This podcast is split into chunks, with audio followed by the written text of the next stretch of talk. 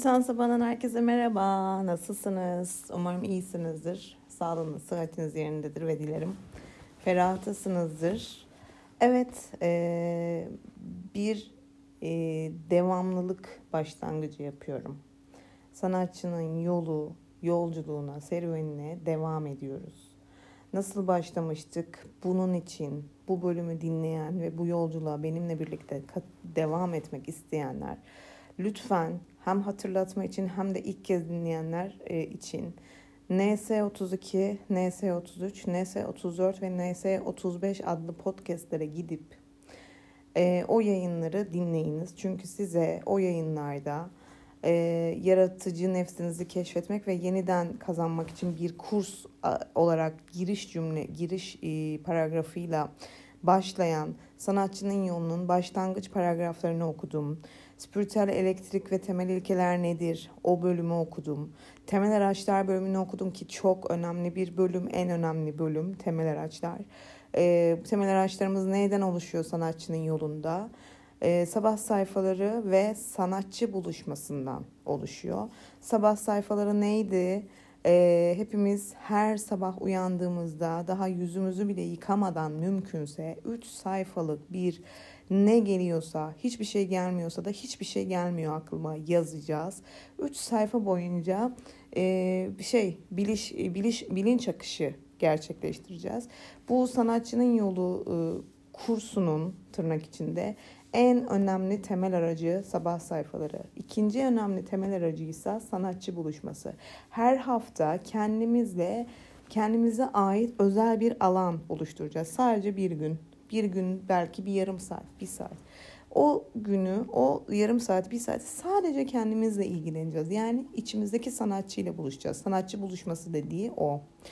Ve e, aynı zamanda yaratıcılık anlaşmasını okumuştum size. Yaratıcılık anlaşması neydi? Bir kağıda yazmanızı rica etmiştim. Kitabı olanlar da aynı şekilde. Hatta bu yaratıcılık anlaşmasının e, fotoğrafını da atabilirim size. Mesela Anlaşma şöyleydi. İşte diyelim ki ben işte Nisan sabahı olarak ben yaratıcılığım ile yoğun ve yönlendirilmiş bir karşılaşmaya girdiğimi kabul ediyorum. 12 haftalık kursa kendimi adıyorum. Haftalık okumalarım, günlük sabah sayfalarım, haftalık sanatçı buluşmasını ve haftalık görevlerimi yapacağıma söz veriyorum. Nisan sabahı olarak ben bu çalışmanın baş etmem gereken konular ve duygular ortaya çıkaracağını biliyorum.''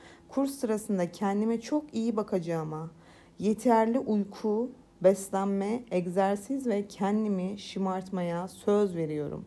İmza ve tarih şeklinde bayağı bildiğiniz kendimize bir anlaşma metni hazırlıyoruz ve bunu yazıyoruz, imzalıyoruz, tarihimizi atıyoruz. Onun dışında size yine dördüncü bölümde son sözü okudum. Son söz ve sanatçının yoluyla ilgili e, sorular yanıtları okudum. Yaratıcı ebe, öbek kılavuzu okudum. Yar, öbekler oluşturacaktık. Hani eğer hala devam etmek isteyenler varsa. E, bana normalde e, birinci haftaya 1 Ocak'ta yeni yıl itibariyle başlayacağım demiştim.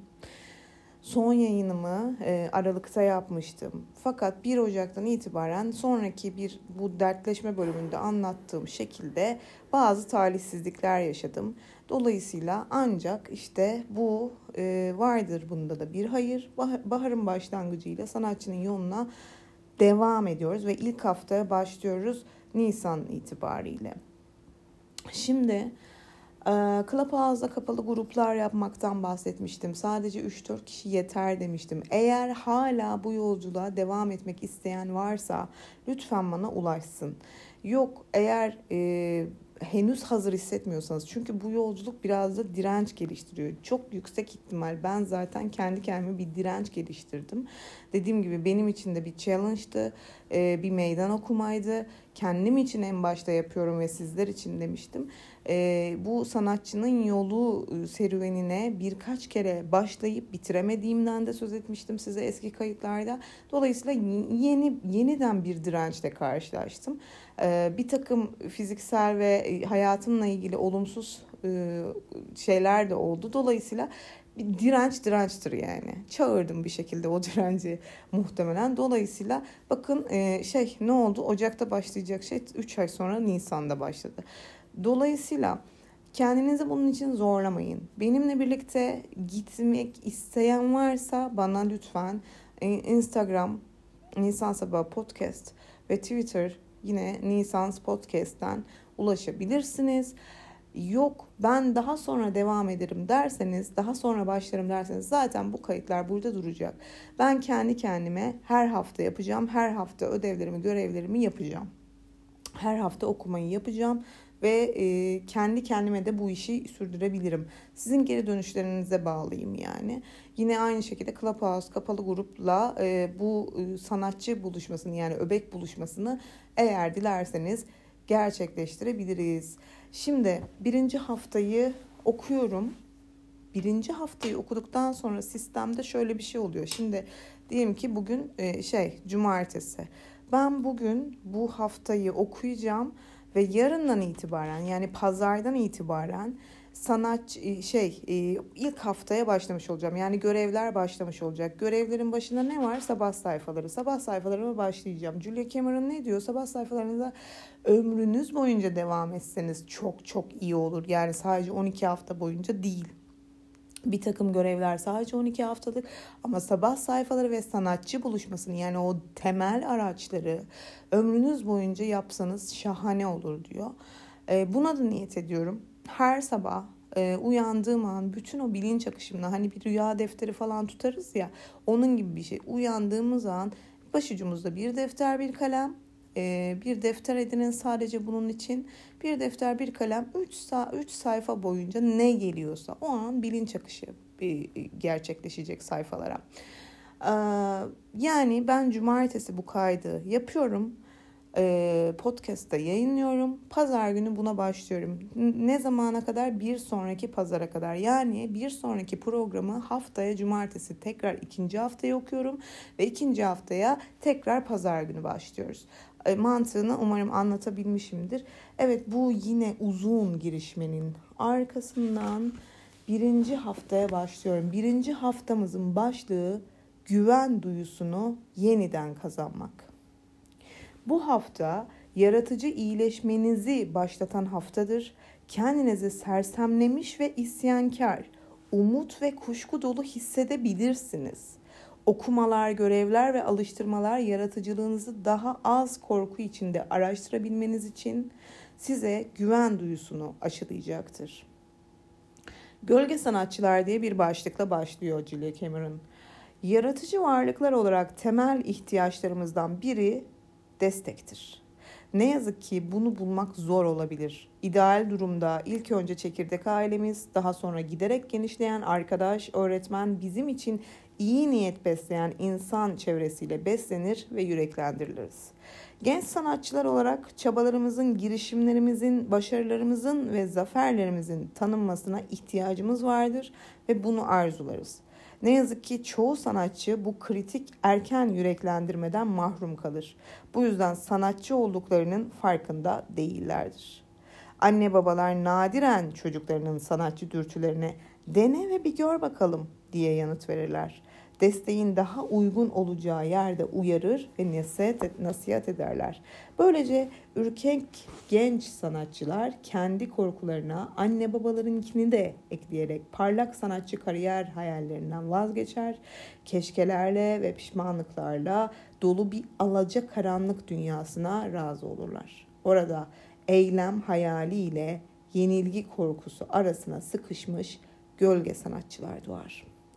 Burada yaşamdaki zevki sanat koleksiyonu olan mutsuz milyoner Edwin'i düşünüyorum. Görsel sanatlarda çok yetenekli olan Edwin çocukken finansa girmesi için teşvik edilmişti. Babası ona 21. doğum günü için borsada bir yer satın almıştı. O zamandan beri borsacıydı. Şimdi 30'lu yaşların ortasında hem çok zengindi hem de çok yoksul. Para yaratıcı doyum satın alamıyordu çünkü. Çevresine sanatçıları ve sanat eserlerini toplamış olan Edwin, şeker dükkanının vitrin camına burnunu dayamış bir çocuk gibi. Daha yaratıcı olmak istiyor ama bunu başkalarının aracılığıyla e, aracılığı olarak görüyor ve böyle bir şeye heves bile edemeyeceğine inanıyor. Cömert bir insan olarak geçenlerde bir sanatçıya hayallerinin peşinde koşabilmesi için bir yıllık mali destek bağışladı. Sanatçı sözcüğünün kendisine uygulanamayacağına inanarak büyütüldüğü için aynı hediyeyi kendisine veremiyor. Edwin'inki benzersiz bir durum değil. Sanatçı çocuğun sanatçı dürtülerinin görmezlikten gelindiğine veya bastırıldığına çok kez tanık olmuşuzdur. Anne babalar sıklıkla iyi niyet içinde çocukta değişik ve daha aklı başında bir kimlik yaratmak isterler. Hayal kurmayı bırak veya aklın bulutlarda gezerse adam olamazsın şeklinde öğütler verirler. Bebek sanatçılar bebek doktor veya bebek avukat gibi düşünmek ve hareket etmek için teşvik edilirler. Bir ailenin aç kalmış sanatçı efsanesiyle yüzleşerek çocuklarını sanat dünyasında kariyer edinmeleri için desteklediği nadiren görülmüştür. Tersine çocuklar eğer yüreklendirilecekse sanatı bir uğraş, gerçek yaşamın kenarlarındaki yaratıcı tüy döküntüsü olarak düşünmeye sevk edilirler. Çoğu aile için sanat kariyeri sosyal ve ekonomik gerçekliğin dışındadır. Sanat elektrik faturasını ödemez derler. Sonuç olarak eğer çocuk sanatı bir iş olarak düşünecekse bunu aklı başında yapmalıdır. Yetenekli bir çocuk terapisti olan Aaron işinde korkunç bir doyumsuzluk hissetmeye başladığında 30'lu yaşların içindeydi. Hangi yöne gideceğini bilmeksizin sinema için bir çocuk kitabı uyarlamaya başladı. Uyarlamanın ortasında birdenbire kendi sanatçı çocuğunu terk etme ile ilgili bir rüya gördü. Terapist olmadan önce yetenekli bir sanat öğrencisiydi. 20 yıl boyunca yaratıcı dürtülerini bastırmış ve yaratıcılığını başkalarına yardıma dönüştürmüştü. Şimdi kırkına yaklaşırken kendine yardım etme arzusuyla kıvranıyordu. Yeri'nin öyküsü çok yaygındır. Genç, deneyimsiz sanatçılar sanat öğretmeni olmak veya özürlüler ile, özürlüler ile el işleri çalışmaları yapmak için teşvik edilirler. Engelliler diyelim biz buna. Genç yazarlar bel, e, bol konuşma gerektiren bir iş olduğu için avukatlığa veya zeki oldukları için tıp okuluna yönlendirilirler.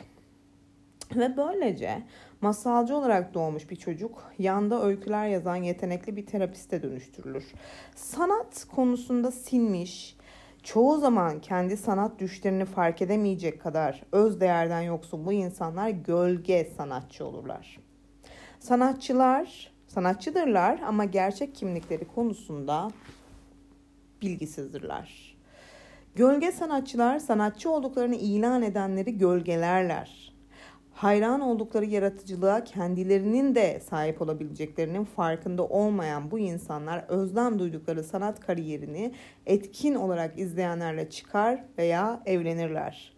Jerry tıkanmış bir sanatçıydı ve yetenekli ama parasız bir sanatçı ile çıkmaya başladı. Ona ben senin en büyük hayranlarındanım diyordu ama ona söylemediği başka bir şey vardı. Jerry filmci olmayı düşlüyordu. Bir kütüphane dolusu film kitabı vardı ve özel filmcilik dergilerini büyük bir hevesle yutarcasına okuyordu. Ama filmcilik düşünü gerçekleştirmek için adım atmaktan korkuyordu. Bunun yerine zamanını ve ilgisini Liza'ya ve Liza'nın sanat kariyerine adamıştı. Jerry'nin kılavuzluğu ile Liza'nın kariyeri gelişti. Liza artık borçlarını ödeyebilir hale gelmişti ve ünlenmişti.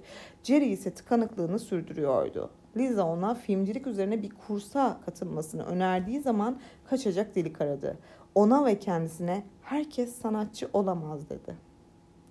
Sanatçılar diğer sanatçıları severler. Gölge sanatçılar ait oldukları gruba yönelirler ama doğuştan var olan haklarına sahip çıkamazlar. Birisini sanatçı, diğerini gölge sanatçı yapan şey cürettir, yetenek değil. Gölge sanatçı gölgelerde saklanır, hayalini açığa çıkarmaya çekinir, onun bir dokunuşla dağılacağından korkar. Gölge sanatçılar sıklıkla gölge kariyer seçerler. Arzulanan sanata yakın ve hatta paralel bir kariyer ama sanatın kendisi değil. Francois Truffaut eleştirmenlerin akıttığı zehirin farkına varıp onların aslında kendisinin de önceden olduğu gibi tıkanmış yönetmen olduklarını ileri sürmüştü. Haklı olabilir. Roman ve öykü yazarlığına niyetlenmiş kişiler yeteneklerini gazetecilikte veya reklamcılıkta kullanırlar. Sanata niyetlenmiş kişiler hayallerinin bir adım uzağında sanatçı menajeri olmaktan ikincil bir zevk duyurlar.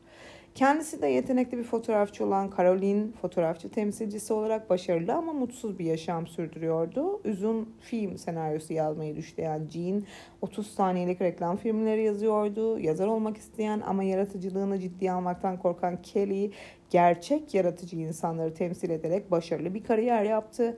Hepsi de gölge sanatçı olan bu kadınlar kendilerini ve hayallerini ön plana almalıydılar. Bunu biliyorlardı ama cesaretleri yoktu. Gölge sanatçı rolü için eğitilmişlerdi ve bu kavramı yok etmek için bilinçli olarak çalışmaları gerekiyordu. İyi niyetli ama baskıcı bir ebeveyni veya sadece baskıcı birine bir dakika ben de sanatçıyım demek epey bir benlik gücü gerektirir. Korkulan soru nereden biliyorsun olacaktır ve tabii genç, deneyimsiz sanatçı bilmiyordur. Bu sadece bir hayal, bir düş, bir his, bir dürtü, bir arzudur. Nadiren gerçek bir kanıt vardır ama hayal yaşamayı sürdürür. Gölge sanatçılar genelde kendilerini acımasızca yargılarlar. Hayallerini gerçekleştiremedikleri için yıllarca kendilerine eziyet ederler. Bu zulüm var olan durumlarını pekiştirir. Gölge sanatçı olmayı sürdürürler. Anımsayın, sanatçı olmanın yoru, yaratıcılığı beslemekten geçiyor. Gölge sanatçılar yeteri kadar beslenememişlerdir. Korkusuzca davranmadıkları için kendilerini suçlarlar. Darwinci determinizmin saptırılmış değişik bir biçiminde kendimizi gerçek sanatçıların en düşmanca ortamlarla baş edebileceklerine ve aynı zamanda evine dönen güvercinler gibi gerçek yollarını bulabileceklerine inandırmışızdır. Bu gülünç derecede yanlış bir inanç. Birçok gerçek sanatçı erkenden doğum yapar veya çok çocuk doğurur. Çok yoksuldur veya gerçek sanatını ortaya çıkaracak sanatsal fırsatlardan parasal veya kültürel olarak çok uzaktadır. Kendi kontrolleri dışında gölge sanatçı olmuş bu sanatçılar hayallerinin uzaktan gelen çağrısını duyarlar ama kültürel labirent içinde yollarını bulup ona erişemezler. Tüm gölge sanatçılar için yaşam, kaçırılan hedef ve tutulmamış söz duyusu ile dolu, doyumsuz bir deneyimdir. Onlar yazmak isterler, resim yapmak isterler, oyuncu olmak, müzik yapmak, dans etmek isterler ama kendilerini ciddiye almaktan korkarlar. Gölge sanatçılar gölgelerin dünyasından yaratıcılık ışığına geçmek istiyorlarsa kendilerini ciddiye almayı öğrenmek zorundadır. Sanatçı çocuklarını nazik, dikkatli ve bilinçli bir çaba ile beslemek durumundalardır. Sanatçı çocukları dediğimiz içimizdeki çocuktan bahsediyor. Yaratıcılık oyundur ama gölge sanatçılar için kendilerini oyuna terk etmek zor iştir. Şu çok şey ya. diyor ya birçok gerçek sanatçı erkenden doğum yapar veya çok çocuk doğurur çok yoksuldur veya gerçek sanatını ortaya çıkaracak sanatsal fırsatlardan parasal veya kültürel olarak çok uzaktadırlar. Evet, içteki sanatçı çocuğu korumak adlı başlıkla devam ediyoruz. Anımsayın, sanatçınız çocuktur. Bu çocuğu bulun ve koruyun. Kendinizi yaratıcılığa teslim etmek, yürümeyi öğrenmeye benzer. Sanatçı çocuk emekleyerek başlamalı. Daha sonra bebek adımları ve düşmeler gelecek. İğrenç ilk resimler, edilmemiş ev filmlerine benzeyen ilk filmler, tebrik kartına bile yazılamayacak kadar kötü ilk şiirler. Tipik olarak iyileşme yolundaki gölge sanatçı bunları umut kırmak için kullanacaktır. İlk sanatsal çabalarınızı yargılamak sanatçıyı harcamaktır. Bu çeşitli yollarla olur. İlk çalışmalar diğer sanatçıların başyapıtları ile karşılaştırılır. İlk çalışmalar aşırı eleştirel arkadaşlara gösterilerek zamansız eleştiriye maruz bırakılır. Kısacası genç, deneyimsiz sanatçı iyi çalışılmış bir mazoşizm uygular. Mazoşizm çok önceden öğrenilmiş ve kendini kınama yıllarında kusursuzluğa eriştirilmiş bir sanat tarzıdır. Bu huy gölge sanatçının kendini döverek yeniden gölgelerin içine attığı öz nefret sopasıdır. Öz nefret sopası. Yaratıcı tıkanıklığımızdan kurtulma sırasında nazik ve yavaş davranmalıyız. Eski yaraları iyileştirmek istiyoruz, yeni yaraları açmak istemiyoruz.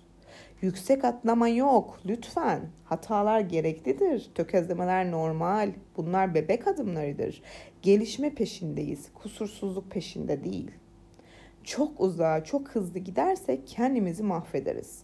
Yaratıcı iyileşme bir maraton yarışı gibidir. Her hızlı bir kilometre için 10 yavaş kilometre koşmak istiyoruz. Bu benliğin yapısına aykırı gelebilir. Çok iyi olmak istiyoruz hemen ama iyileşmenin yolu bu değildir. İyileşme hantal, geçici, hatta utandırıcı bir süreçtir. Ne kendimize ne de başkalarına iyi gözükmediğimiz zamanlar olacaktır. İyi gözükme talebinden vazgeçmeliyiz. Hem daha iyi iyiye gitmek hem de iyi gözükmek aynı zamanda gerçekleşemez. Anımsayın bir sanatçı olarak iyileşmek istiyorsanız kötü sanatçı olmayı göze almalısınız. Bir sanatçı olarak iyileşmek istiyorsanız kötü sanatçı olmayı göze almalısınız. Acemiliğinize fırsat tanıyın. Kötü sanatçı olmayı kabul ederek sanatçı olma belki de zamanla çok iyi bir sanatçı olma şansını elde etmiş olur. Derslerim sırasında bu konuyu açtığımda hemen savunmacı husumetiyle karşılaşıyorum. İyi ama doğru dürüst piyano çalmayı, oyuncu olmayı, resim yapmayı, düzgün bir oyun yazmayı öğreninceye kadar kaç yaşımda olacağımı biliyor musunuz? Evet, hiçbir şey yapamadığınızda da olacağınız yaşta. Hadi şimdi başlayalım.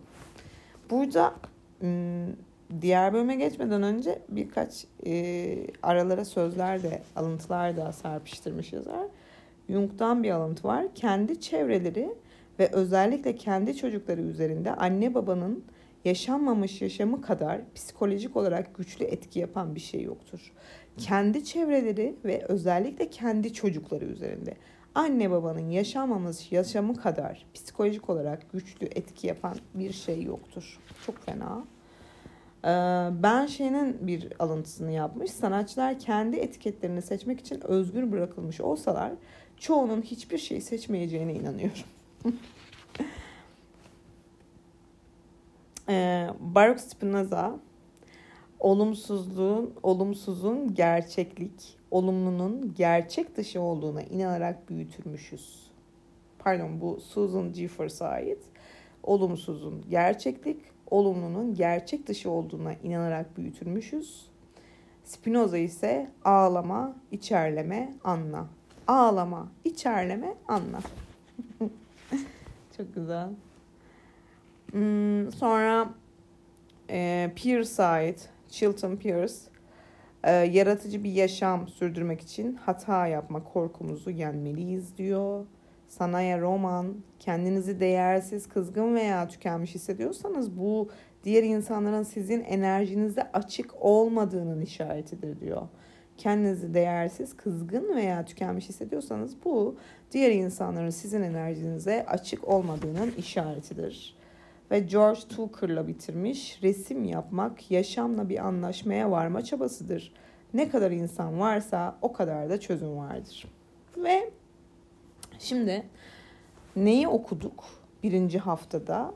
güven duyusunu yeniden kazanmak ana başlığı altında önce gölge sanatçıyı tarif etti. Gölge sanatçımızı yani.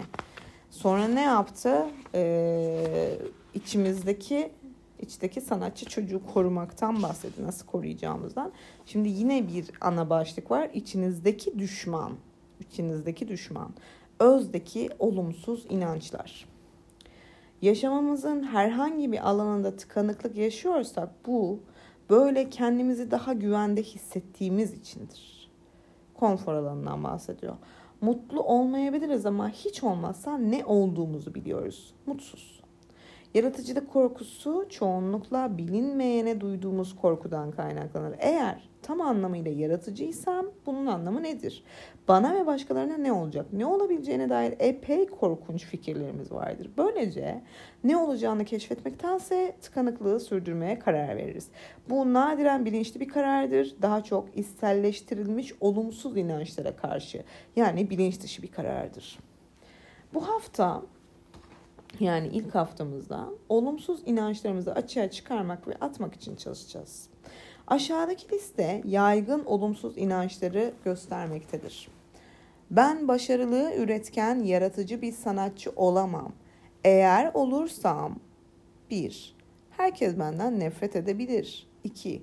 Arkadaşlarıma ve aileme zarar verebilirim. 3. Çıldırabilirim. 4.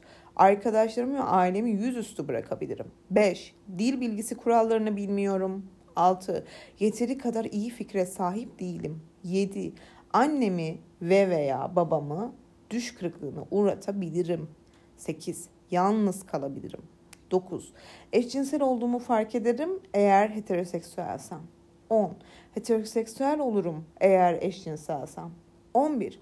Çalışmalarım başarısız olur. Bunun farkına varamam ve dışarıya karşı aptal gözükürüm. 12. Öfkelenirim.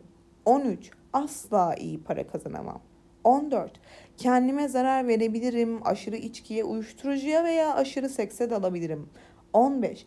Kanser, AIDS olabilirim, vebaya yakalanabilirim veya kalp krizi geçirebilirim. 16. Sevgilim beni terk edebilir. 17. Ölebilirim. 18. Başarılı olmayı hak etmediğim için kendimi kötü hissederim. 19. Yalnızca bir tek iyi eser çıkarabilirim. 20. Artık çok geç. Şimdiye kadar tam sanatçı olamadıysam bundan sonra da olamam. Bunlar neydi? Ben başarılı, üretken, yaratıcı bir sanatçı olamam. Çünkü eğer olursam bunlar, bunlar, bunlar başıma gelebilir. Ve son maddede ne diyor?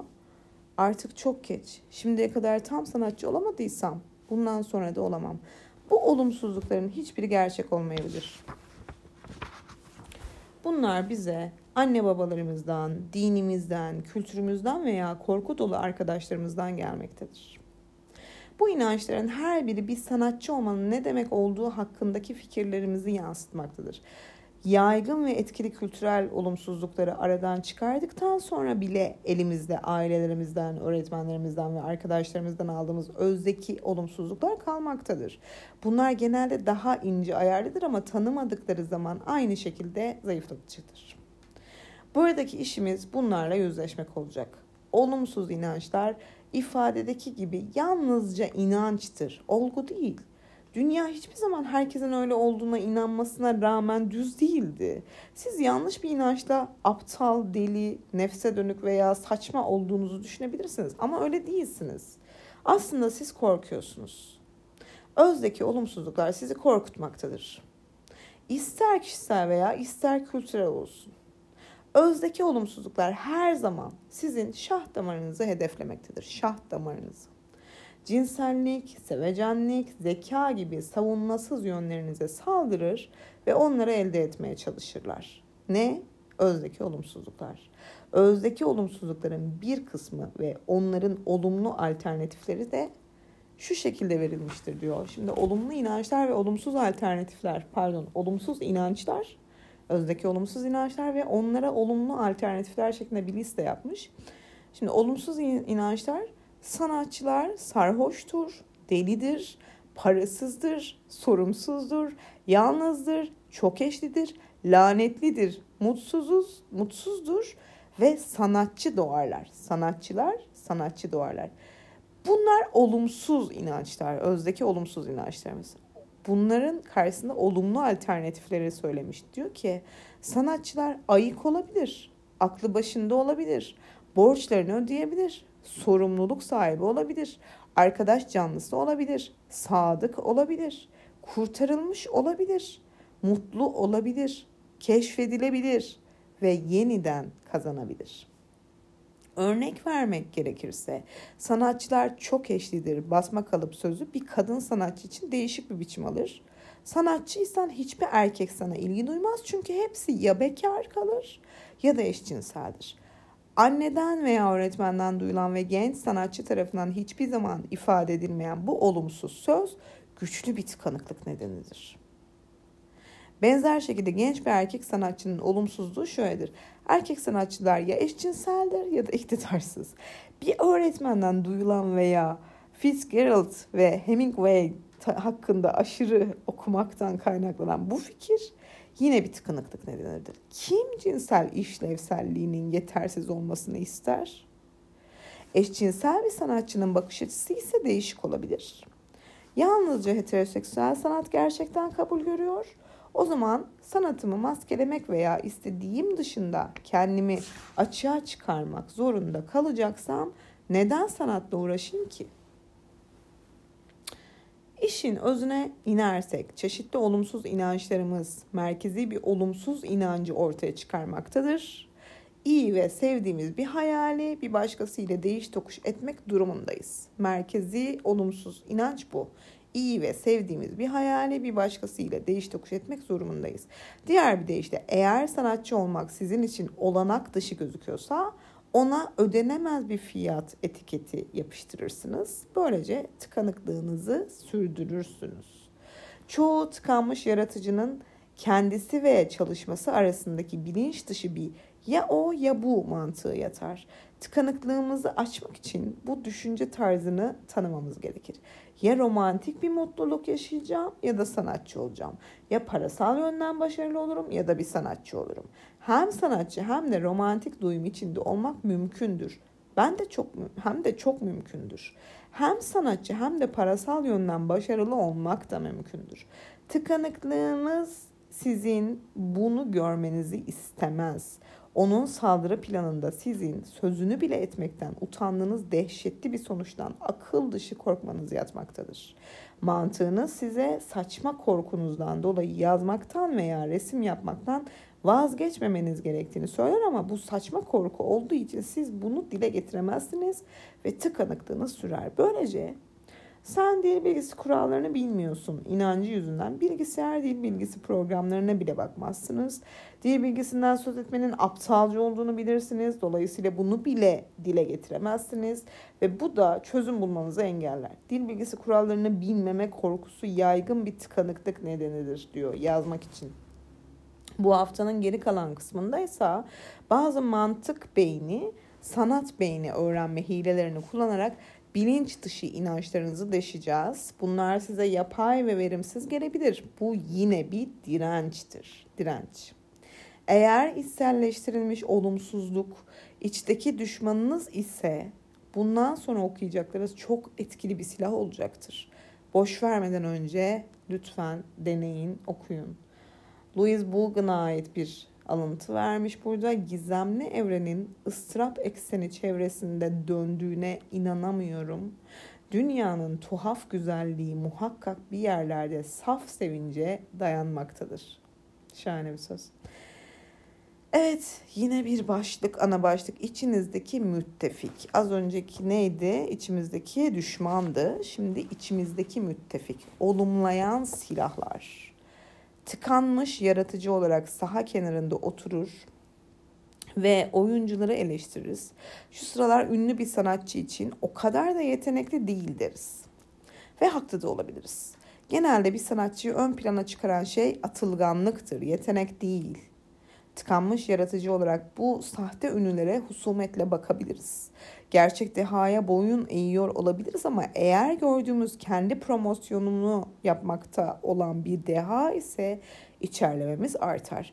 Bu sadece kıskançlık değildir. Bu bizim çaresizliğimizi güçlendiren bir erteleme tekniğidir.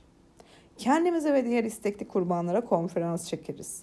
Ben bunu çok daha iyi yapardım ama nokta nokta. Çok daha iyi yapardınız ama kendinizi bunun için özgür bırakmadınız. Olumlama özgürleşmenize yardım edecektir. Olumlama olumlu bir inancın olumlu ifadesidir ve eğer kendimize yaptığımız olumsuz telkinin onda biri kadar olumlusunu yapabilirsek müthiş bir değişim izleyeceğiz. Olumlamalar güvence ve umut duyusu yerleştirmede yardımcı olur. İlk başta olumlamalar aptalca, yapay ve utandırıcı gelecektir. Ne kadar ilginç değil mi? Kendimizi hiç utanç hissetmeden olumsuzlamalar ile hırpalıyoruz. Yeteri kadar yetenekli, akıllı, özgün, genç değilim bla bla. Ama kendimiz hakkında güzel şeyler söylemek kötüdür. Dolayısıyla zordur. Olumlama ilk başta korkunç gelecektir. Şu ifadeleri deneyin ve ağdalı olup olmadıklarını görün. Sevgiyi hak ediyorum. Adil ücreti hak ediyorum. Doyurucu, yaratıcı bir yaşamı hak ediyorum parlak ve başarılı bir sanatçıyım. Zengin, yaratıcı yeteneklerim var. Yaratıcı çalışmama güven duyuyorum ve bu konuda ehil olduğuma inanıyorum. Sansürcünüz, sansürcü kavramına giriyoruz şimdi. Sansürcünüz küçük hınzır kulaklarını dikleştirdi mi? Sansürcüler öz değer taşıyan her şeyden nefret ederler. Her zamanki sahtekar sözlere başlarlar. Sen kendini ne sanıyorsun? Sanki tüm bilinç dışımız geceleri zamanını Walt Disney'in 101 Dalmaçyalı filmini izleyin, izleyip Coral DeVille'ın sert suçlamalarının ezberleyerek geçirmiş gibidir.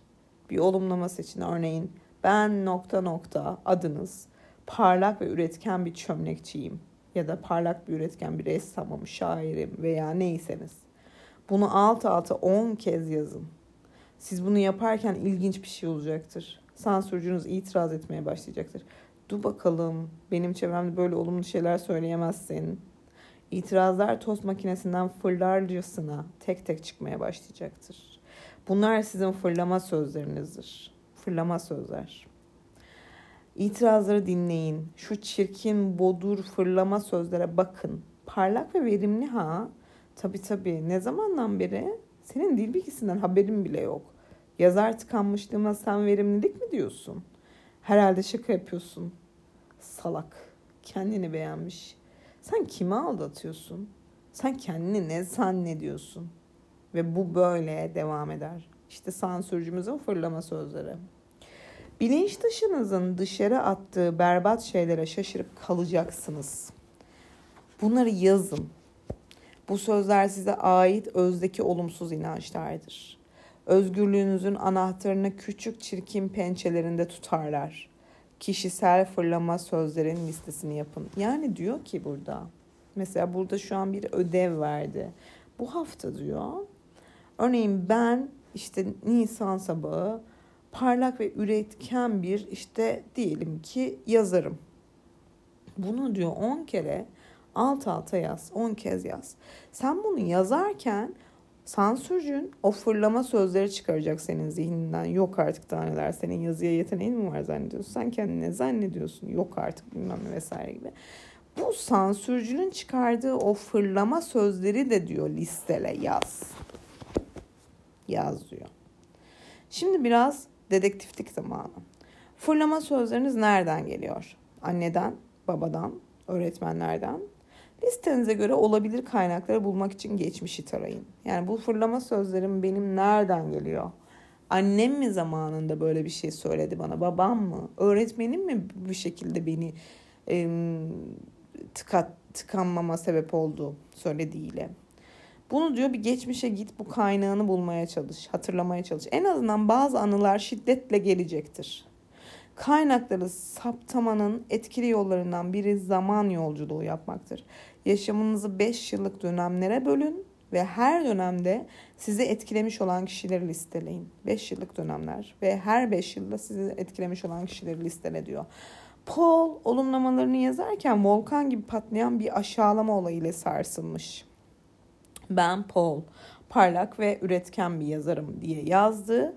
Bilinç dışının derinlerinden nefsi horlayan ve nefis kuşkusu ile dolu bir sel aktı. Aklı durduracak kadar belirgin ve nedense tanıdık bir sözdü bu. Sen kendini aldatıyorsun. Aptal, gerçek yetenekten yoksun, sahtekar, amatör bir bir şakasın sen. Özdeki bu inanç nereden geliyordu? Ona bunları kim söylemiş olabilirdi? Ne zaman söylemiş olabilirdi? Paul sorumluyu bulmak için zaman yolculuğuna çıktı. Müthiş bir utanç içinde bu kişiyi saptadı, hatırladı. Evet, kötü birisi ve paylaşmaktan, açığa çıkarmaktan utandığı bir olay vardı. Kötü niyetli bir ilk öğretmen başta onun çalışmasını övmüş ve sonra cinsel girişimde bulunmuştu. Of. Adamın ilgisini davet etmiş olduğundan korkan ve çalışmasının da olası berbatlığından utanan Paul olayı bilinç dışına iltihaplanacağı yere gömdü.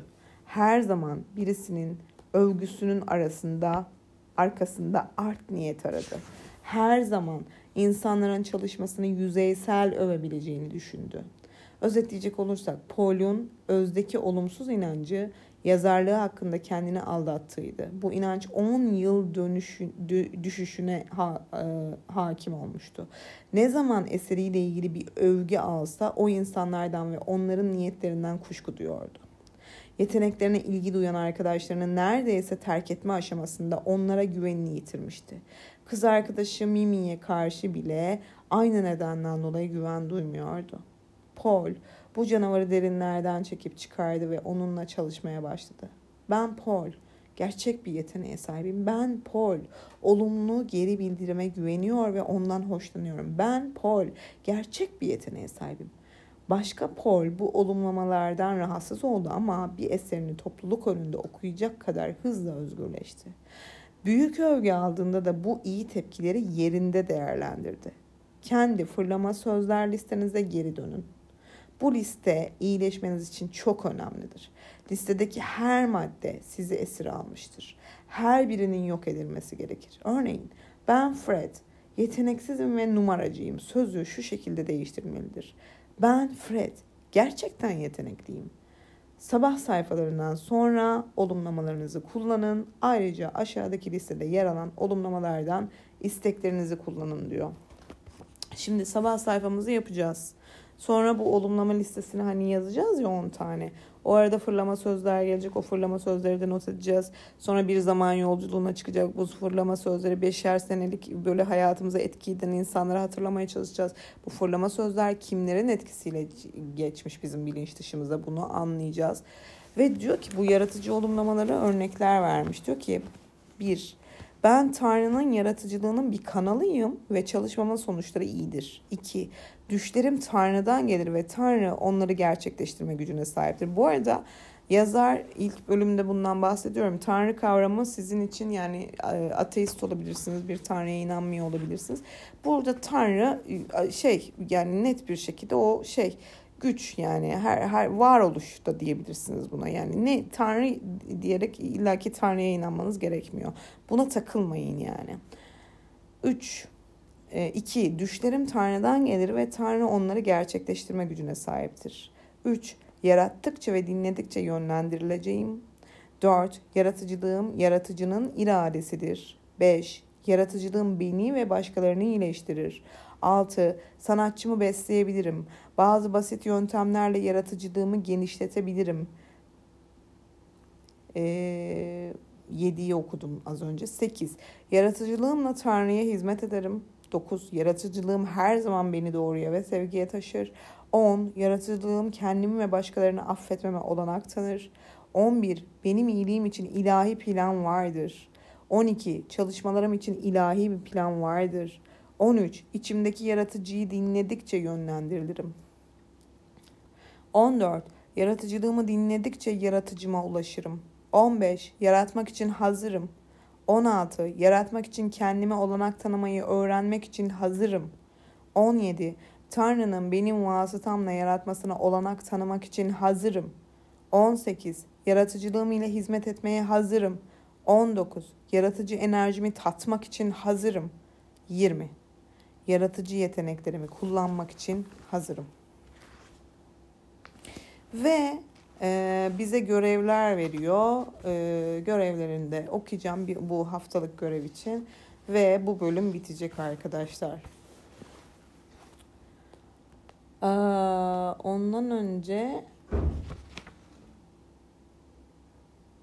e, bir alıntı daha yapmış e, olumlamalar değiştirmek istediğiniz belirli yönleriniz için reçete gibidir. Olumlamalar değiştirmek istediğiniz belirli yönleriniz için reçete gibidir. Evet görevlere geçiyoruz. Bir alıntı daha var. Olumlama bir şeylerin zaten öyle olduğunu söyleyen güçlü olumlu bir ifadedir. Şimdi kaç tane görev vermiş bu hafta için? 6 tane hayır 10 tane görevimiz var arkadaşlar. Birinci görev. Her sabah saatimizi yarım saat öncesine kurun. Yani normalde diyelim ki sabah 8'de uyanıyorsunuz. 7.30'da uyanacaksınız. Yani görev bu. Yarım saat öncesine kurun, kalkın ve bilincinizden ne akarsa el yazısıyla 3 sayfaya dökün. Yani sabah sayfasından bahsediyor. Bu sayfaları yeniden okumayın veya başkalarının okumasına izin vermeyin. Bu çok önemli. Sabah sayfalarını Dönüp okumayacaksınız. Ne bir başkasını okutacaksınız ne de kendiniz okuyacaksınız. Bu sayfaları en iyisi büyük bir zarfa koyun ve bir yerde saklayın. Sabah sayfalarına hoş geldiniz. Bunlar yaşamınızı değiştirecek. Bu hafta her sabah sayfalarınızı doldurduktan sonra seçtiğiniz olumlamalar ve fırlama sözler üzerinde muhakkak çalışın. Tüm fırlama sözlerini olumlamalara döndürün. Tüm fırlama sözlerini olumlamalara döndürüyor. Olumlamalar listesini de vermişti. Sanatçı buluşmasına çıkın. İkinci görev bu. Sanatçı buluşması neydi? Birlikte kendimizde vakit geçirmek. Kurs sürecince her hafta bunu yapacaksınız. Örnek bir sanatçı buluşması şöyle. Yanınıza biraz para alın veya yakınınızdaki ıvır zıvır dükkanına gidin. Altın çıkartmalar, küçük dinozorlar, kartpostal, parıltılı payetler, yapışkan çocuk makası, mum, baya gibi ufak tefek şeyler satın alın. Yazdığınız her gün zarfınızın üzerine bir altın yıldız yapıştırmak isteyebilirsiniz. Sırf eğlence olsun diye. 3. Zaman yolculuğu. Yaratıcı öz değerinizin 3 eski düşmanını listeleyin. 3 eski düşman zaman yolculuğuyla. Lütfen bu alıştırmayı yaparken mümkün olduğu kadar belirgin olun. Tarihsel canavarlarınız sizin özdeki olumsuz inançlarınızın yapı taşlarıdır. Evet 5. sınıftaki berbat öğretmeniniz ve onun size söylediği berbat şeyler önemlidir. Yazın bunları. Bu sizin canavar ünlüler müzeniz olacak. İyileşmeniz sırasında başka canavarlar da aklınıza gelecektir. Yaratıcı yaraları tanımak ve kederlenmek her zaman gereklidir. Yaratıcı yaraları tanımak ve kederlenmek her zaman gereklidir. Tersi durumda yara izleri oluşacak ve gelişmeniz tıkanacaktır. 4. Yine zaman yolculuğu. Diyor ki Canavar Ünlüler Müzesi'nden bir korku öyküsü seçin ve yazın. Yani anı, anı korktuğunuz bir anıyı yazın diyor. Uzun ve çok yazmak zorunda değilsiniz ama aklınıza hangi ayrıntı gelirse hemen not edin. O an içinde bulunduğunuz oda, insanların size bakış şekli, ne hissettiğiniz, bunu anlattığınız zaman anne babanızın söylediği veya söylemediği şey, olay ile ilgili sizi tasalandıran, kaygılandıran ne varsa yazın ve yalancı bir gülümseme takınarak başımı okşadığını anımsıyorum. Ve yalancı bir gülümseme takınarak başımı okşadığımı anımsıyorum. Bir anı yazmış, örnek anı. Eski canavarınızın bir resmini çizmek veya olayı size anımsatan bir imgeyi bulup onu yazıya iliştirmek duygusal olarak rahatlatıcı olabilir. Resmi karalayın veya güzel bir kırmızı X ile işaretleyin. 5. Yazı işleri müdürüne kendinizi savunmak için bir mektup yazın. Yazıyı kendinize postalayın. Bu yazıyı yaralı küçük sanatçınızın ağzından yazmak çok eğlencelidir. Örnek mesela ilgililere 5. sınıf öğretmenin bir adım ötesini göremeyen ahmağın tekiydi. Ben de dil bilgisi kurallarını bal gibi biliyorum. 6. Yine zaman yolculuğu. Farkındaysanız zaman yolculuğuna devam ediyor. Yaratıcı öz değerinizin 3 eski destekleyicisini listeyin. Bu sefer de neydi? Ee, önceki ee, üç eski şeydi canavarı seçecektik hani böyle bize kötü hissettiren üç kişi. Burada da diyor ki tam tersine yaratıcı özlerinizin üç eski destekçisini de listeyin, hatırlayın diyor. Bu size ve yaratıcılığınıza inanan ünlü destekleyiciler müzesidir. Belirgin olsun. Her yüreklendirici sözcüğün önemi vardır. İnanmadığınız bir övgüyü bile not edin. Doğru olabilir. Bunlar hep geçmiştekilerden bahsediyor. Yani git geçmişe diyor onları not et, övgülere bak. Ya da işte e, olumsuz cümlelere. Övgü anımsayamıyorsanız zaman yolculuğu defterini karıştırın. Yani git hatırlamaya çalış ve olumlu anı arayın. Kendiniz hakkında ne zaman, nerede ve neden iyi hissettiniz? Sizi destekleyen kimdi? Ek olarak bu övgüyü yazmak ve sabah sayfalarını yaptığınız yerin yakınına veya arabanızın gösterge paneline iliştirmek isteyebilirsiniz. Ben benimkini yazarken keyifleneyim diye bilgisayar kasasına yapıştırmıştım diyor. 7. Zaman yolculuğuna devam ediyoruz. Güzel bir yüreklendirme anısı seç ve yazıya dökün. Bir teşekkür mektubu yazıp bunu kendinize veya eski akıl hocanıza gö- gönderin. 8. Hayali yaşamlar. Eğer yaşayacak 5 başka yaşamınız olsaydı her birinde neler yapardınız? Ben pilot, çoban, fizikçi, medyum, rahip olurdum. Siz dalgıç, polis, çocuk kitapları yazarı, futbolcu, dansöz, ressam, oyuncu, tarih öğretmeni, şifa dağıtıcısı, teknik çalıştırıcı, bilim adamı, doktor, barış gönüllüleri çalışanı, psikolog, heykeltıraş, avukat, bilgisayar hackerı, beyaz dizi yıldızı, şarkıcı, rock'n'roll davulcusu olmak isteyebilirsiniz. Aklınıza ne geliyorsa not edin. Bu alıştırma üzerinde fazla düşünmeyin. Bu yaşamların amacı o yaşamlarda şimdi olduğundan daha fazla eğlenmektir. Listenize bakın ve birini seçin. Sonra bu hafta onu yapın. Örneğin eğer şarkıcı olmayı seçtiyseniz gitar çalmaya başlayabilir misiniz? Çoban olmayı düşünüyorsanız ata binmeye ne dersiniz? 9. Olumlamalar ve fırlama sözcükler ile çalışırken sıklıkla yeni yaralar ve canavarlar belirir. Bunları da listenize dahil edin. Her fırlama sözcük ile ayrı ayrı uğraşın. Her olumsuzu olumluya çevirin. 10. Sanatçınız ile yürüyüşe çıkın. Sadece ikiniz. 20 dakikalık canlı bir yürüyüş. Bilincinizi önemli ölçüde değiştirecektir. Bu hafta yürüyüş çıkacağız. Ve rapor istiyor bizden. Her hafta rapor yazacaksınız diyor. Yaratıcı haftanız pazar başlayıp pazar bitiyorsa raporunuzu her cumartesi hazır edeceksiniz. Unutmayın bu sizin iyileşme sürecinizdir. Ne düşündüğünüz önemlidir ve siz ilerleme sağladıkça daha da ilginçleşecektir. Raporlarınızı sabah sayfaları defterinize yazabilirsiniz.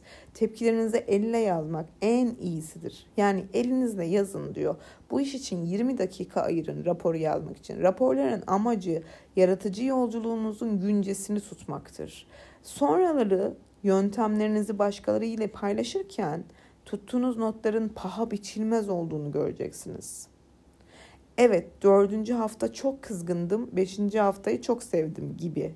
Raporu birbirimize sunacağız çünkü. Şimdi bu hafta kaç gün sabah sayfalarını yaptınız? Bunu rapora yaz. 7'de 7 mi diye ümit ediyorum. Bunu böyle ümit ediyorum diyor. Bu deneyimi nasıl buldun sabah sayfası deneyimi? Sonra yine rapora şunu yazıyor. Bu hafta sanatçı buluşmanı yaptın mı? Evet tabii ki diye ümit ediyoruz. Sanatçı buluşmalarına zaman ayırabilmenin çok zor olduğunu biliyoruz. Peki ne yaptın? Ne hissettin bu buluşmada? Ve diyor ki bu hafta iyileşmeniz ile ilgili önemli bir şey oldu mu? Lütfen anlatın, yazın diyor. Rapordan kastı bu. Ve haftayı bitiriyor. Ee, şimdi arkadaşlar bunları dinlerken e, şey ben birazcık hızlı okumak zorunda kaldım. Çünkü e, çok uzun oluyor, sıkıcı oluyor diye. Ama hepsini de okumak zorundaydım. Ara ara dönem dönem neler istediğini eğer kitabınız elinizde yoksa lütfen geri dönüme yatın. Ben yazın.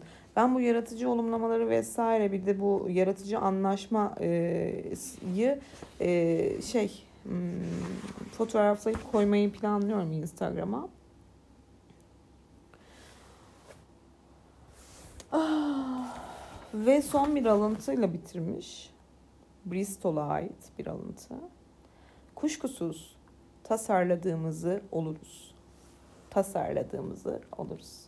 İşte birinci hafta böyle. Birinci haftada ne yapıyoruz? Ee, sabah sayfalarına başlıyoruz. Sanatçı buluşmamızı yapıyoruz. Birinci hafta güven duyusunu geri kazanma haftası. Ee, ondan sonra şey yapıyoruz. E, kış işte olumlama cümleleri, e, fırlama sözler, Zaman yolculuğu yapıyoruz. Çok çok e, çok zor bir hafta. Farkında mısınız? Bu yüzden başlangıçta şöyle uyardı.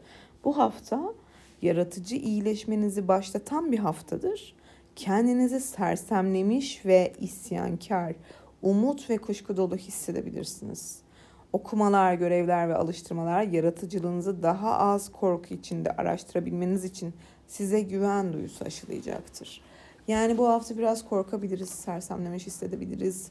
Zaman yolculuğumuzu yaptıkça, e, sansürcümüzle karşılaştıkça, bize olumsuz deneyimler yaşatan insanları hatırladıkça e, kendimizi gerçekten çok e, güçsüz, çok öfkeli, çok korkmuş hissedebiliriz. E, tek yapmamız gereken şey korkup kaçmamak, devam etmek. Yani bir direnç oluşabilir diyor Julia Cameron. O dirence ne olur üstüne üstüne gidin diyor. Bunun için de diyor her gün mutlaka o sabah sayfalarını yaz. 7'de 7 yaz. Şimdi ben bugün cumartesi bu birinci haftayı yaptım. ikinci, birinci haftanın raporunu dediğim gibi kendi kendime devam edeceksem eğer herhalde henüz karar veremedim. Sizden dönüşlere göre karar vereceğim. Yine ben e, cumartesi günü ya e, evet cumartesi günü raporumu vereceğim buraya. Raporuma başlayıp ikinci haftaya devam edeceğim ve ikinci hafta ne olacak? Yine pazar günü devam edeceğiz. Yani her cumartesi kaydı yapacağım, raporu vereceğim. Pazar günü yeni bir haftaya başlayacağız. Anlaştık mı? Benimle sessiz sedasız gidebilirsiniz. Benimle iletişim kurup gidebilirsiniz. Bana şunu diyebilirsiniz. Nisan 3-4 kişilik bir grup oluştur gerçekten. Biz bu e, şey öbek oluşturalım. Kapalı grup halinde raporlarımızı gerçekten interaktif olarak birbirimize verelim. Birbirimizin seslerini duyalım diyebilirsiniz. Buna ihtiyaç duyuyorum diyebilirsiniz. Hiyerarşi e, olmayan, yargısız bir çember oluşturabiliriz aramızda 3-4 kişilik bir çember. Yok eğer gerçekten henüz saklanmayı seçiyorsanız ben kendi kendime size açık etmeye devam edeceğim. Ben saklanmayacağım bu defa. Saklanmayacağım. Buna gerçekten ihtiyacım var. Son 5-6 senedir şu sanatçının yolu kitabını yapmaya çalışıyorum arkadaşlar. Ve üçüncü denememi e, de başarısızlıkla sonlandırdım ve en sonunda bu benim için gerçekten kendime bir meydan okuma. Ee, dedim ki bunu podcastlerle yapayım ki bir sorumluluk duygusuyla yapayım, devam etmek zorunda kalayım. Çünkü çok büyük bir direnç var. Ee, ben de o tıkanmış sanatçılardan biriyim çünkü. Hem de senelerdir tıkanmış sanatçılardan, sanatçılardan senelerdir bir şekilde e, içsel ve dışsal sabotajlara uğramış e, sanatçılardan biriyim. Dolayısıyla buna gerçekten ihtiyacım var. Sizin de benim gibi gerçekten ihtiyacınız varsa artık ne olur yeter bir işte tıpkı şey gibi e, bahar geldi tomurcukları açıyor. Artık uyanmak istiyorum ben de tomurcuklanmak istiyorum diyorsanız bana Instagram ve Twitter'dan Nisan Sabah Podcast'tan DM yoluyla ulaşabilirsiniz ve önümüze bakarız. Ben her halükarda her hafta bunu yapmak için kendime söz veriyorum Nisan sabahı olarak. Yaratıcı anlaşmamı da e, kendim yapacağım, yazacağım ve kendime söz veriyorum bu konuya e, sadık kalacağım. Bu, bu, bu anlaşmaya sadık kalacağım. E, kendime söz veriyorum. E, kendinize çok iyi bakın. Daima merkezinizde kalın. Unutmayın. Biz dünyanın merkezi değiliz ama kendimizin merkeziyiz ve e, önce kendimizi düşünmek zorundayız. Kendi ferahımızı, refahımızı düşünmek zorundayız. Akıl sağlığımızı, ruh sağlığımızı düşünmek zorundayız. İçimizdeki o çocuğu, içimizdeki o sanatçı çocuğu keşfetmek, görmek, düşünmek, onu özgür bırakmak, serbest bırakmak zorundayız. Çünkü buna ihtiyacımız var ve sanatçının yolu kitabı bunun için şahane bir rehber ve şahane bir adeta koltuk değneği gibi bir şey bizi ayağa kaldıracak, yürütecek.